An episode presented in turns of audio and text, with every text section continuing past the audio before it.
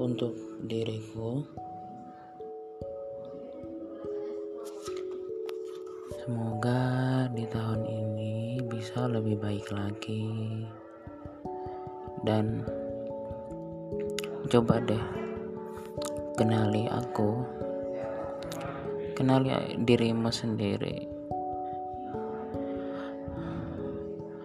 Ya terima kasih buat diriku yang udah berjuang yang udah bertahan sejauh ini dan maaf banget udah sering nyakitin diri sendiri dengan ekspektasi-ekspektasi yang terlalu tinggi kepada orang lain.